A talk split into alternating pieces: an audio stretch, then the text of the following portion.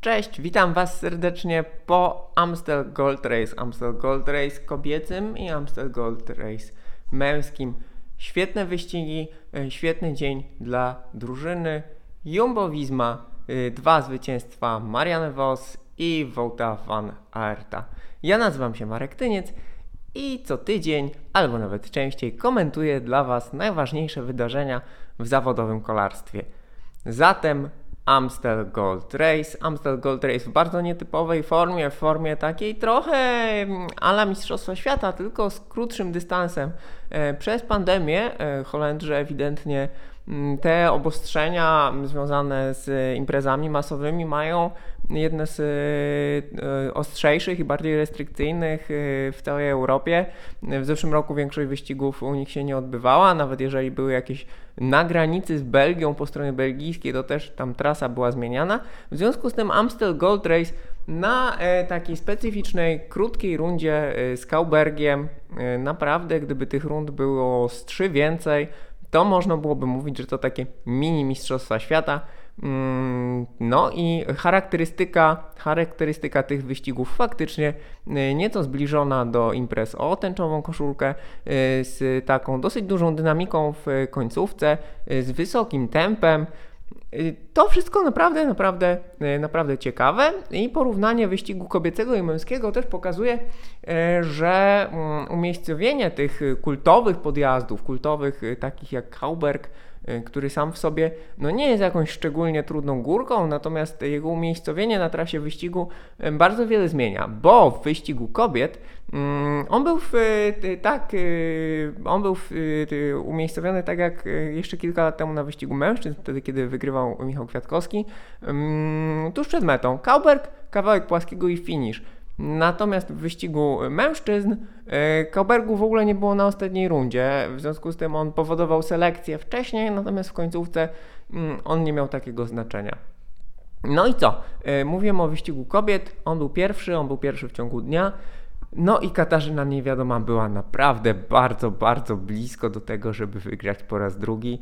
Niestety Eliza Longoborghini jej nie pomogła, nie pomogła y, i w pracy y, niewiele zabrakło, natomiast y, no, przez to, że Longoborghini wiozła się na kole Polki, zawodniczki SD Works dowiozły Marianne Vos z Jumbo Visma do mety, no a Holenderka, Holenderka zafiniszowała po zwycięstwo Piękny triumf. Szkoda, e, szkoda, że Longoborghini nie pomogła, e, nie pomogła Polce. Natomiast słuchajcie, bardzo ważne jest to, że Katarzyna Niewiadoma była w stanie na Kołbergu nie tylko skasować um, atak e, Anemik van Vleuten, ale poprawić, tak? To był ekstremalnie mocny, mocny atak. Nie wiem, czy widzieliście, nie wiem, czy widzieliście wykresik, który gdzieś tam się pojawiał Wygląda na to, że nie wiadoma e, produkowała 10,5 W na kilogram przez minutę. To jest, słuchajcie, to jest poziom, e, to jest poziom naprawdę e, no, światowy, wysoki.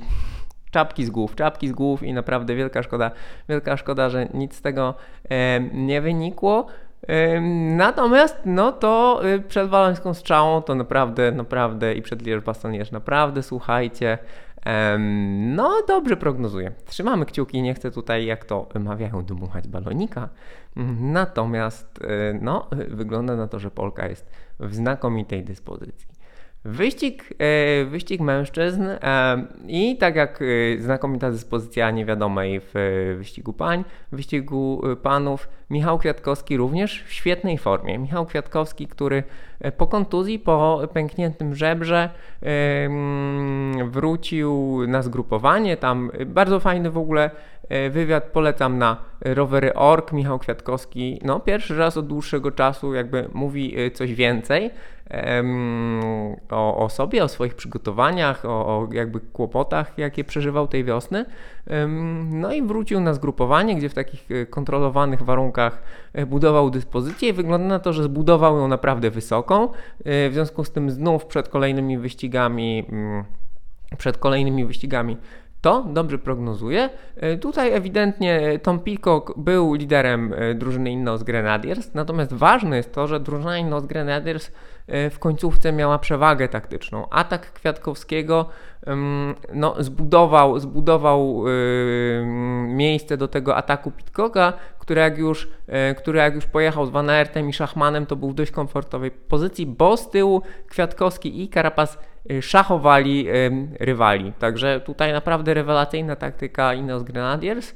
E, warto też pochwalić Jumbo Visma, którzy pojechali pierwszy raz od dłuższego czasu w takim pełnym składzie, bo jednak i bardzo mocnym składzie, bo jednak, mm, jednak no, dzielili, dzielili rolę, dzielili wsparcie dla Van Aerta i dla Roglicza. E, na wcześniejszych wyścigach, na klasykach, na etapówkach. E, tutaj Roglic, który zmienia e, przygotowania do Tour de France i kończy, kończy tutaj wiosnę, wykonał naprawdę fantastyczną pracę dla, dla Van Aerta.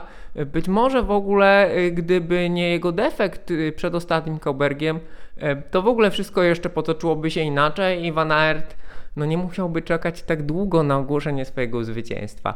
Bo słuchajcie, kiedy już pojechała ta trójka e, Van Aert, Pitcock i Schachman, no to widać było, że to już pojechało na metę. E, chociaż tam w pewnym momencie przewaga, przewaga e, zmalała i goniący, goniący mm, peletonik no też ze znakomitymi zawodnikami. Goniący peletonik zbliżył się na niskich kilkanaście sekund, ale wyglądało to tak, że raczej, raczej ta ucieczka nie była zagrożona. No i Van Aert znowu czekał, czekał, czekał, rozpędzał się e, i pokonał Pitcocka wyrzutem roweru. Słuchajcie, wokół e, tego finiszu jest sporo kontrowersji. E, oczywiście no, wszyscy mamy, wszyscy oglądamy, wszyscy oglądamy w rozdzielczości HD na Eurosporcie, na GCN. Mm, jakość jest bardzo duża i wyglądało to bardzo długo tak, że to Pitcock o milimetry wygrał. E, że, to jednak ten jego wyrzut roweru był skuteczniejszy i że miał większą prędkość na finiszu, mm, która wystarczyła do tego, żeby pokonać Van Aerta. Van Aert w ogóle ten rower wyrzucił tak mocno, że aż podniósł przednie koło nieco, co też zaburzyło ten obraz, który my widzieliśmy. No, fotofinish pokazuje, że o kilkadziesiąt milimetrów, tam o, o grubość gumy faktycznie, y, na kresce lepszy był Van Aert. Są podejrzenia, że może fotokomórka była ustawiona nie w tym miejscu, co trzeba, albo że y, właśnie sam nie wiem co. Słuchajcie, fotofinish jest jednak ustanowioną y, metodą decydowania o tym, Y, kto wygrał w y, takich kontrowersyjnych sytuacjach. Myślę, że gdyby były podstawy y, do protestu, to drużyna Ineos Grenadiers złożyła protest. Van Aert wygląda na to, że nie wiem, czy, czy lepiej wyczuł faktycznie moment, gdzie ten rower wyrzucić, czy po prostu miał odrobinkę szczęścia. Tak czy inaczej, Wout van Aert wygrywa ważny, kolejny ważny klasyk w swojej karierze. Zamyka wiosnę ze zwycięstwami etapowymi e, w Tirreno Adriatico, e, z drugim miejscem w klasyfikacji generalnej tamże, e, z wygranym Gandawa Welgem, z wygranym Amstel Gold Race. Fantastyczna wiosna Van Aerta, mimo niewygranego monumentu, ale słuchajcie, no te oczekiwania względem kolarzy też trzeba, też trzeba trochę tonować. Van Aert, świetna wiosna, świetna jazda drużynowa, całej drużyny Jumbo Visma E, Roglicz e, oddał e, swojemu koledze z zespołu, co jego będzie mógł liczyć na wsparcie na trasie Tour de France. Inaczej on się przygotowuje do tego Tour de France, w ogóle nie wystartuje, Słoweniec nie wystartuje w etapówkach, przynajmniej w tym momencie taki ma plan, nie wystartuje w etapówkach przygotowujących do Touru ani Tour de Suisse, ani Dauphiné, ani żadna inna mniejsza etapówka, po prostu Bach wejdzie w Tour de France ze zgrupowania, ale patrząc na to, jak on sobie radzi w klasykach, to ja myślę, że on y, tak to robi, ponieważ ma y, w głowie Igrzyska Olimpijskie. Myślę też, że póki co ta taka, mm, no trudno mówić nie najlepsza, tak, ale mistrz świata Julian Alaphilippe no, na razie tylko wygrał etap na Tirreno Adriatico.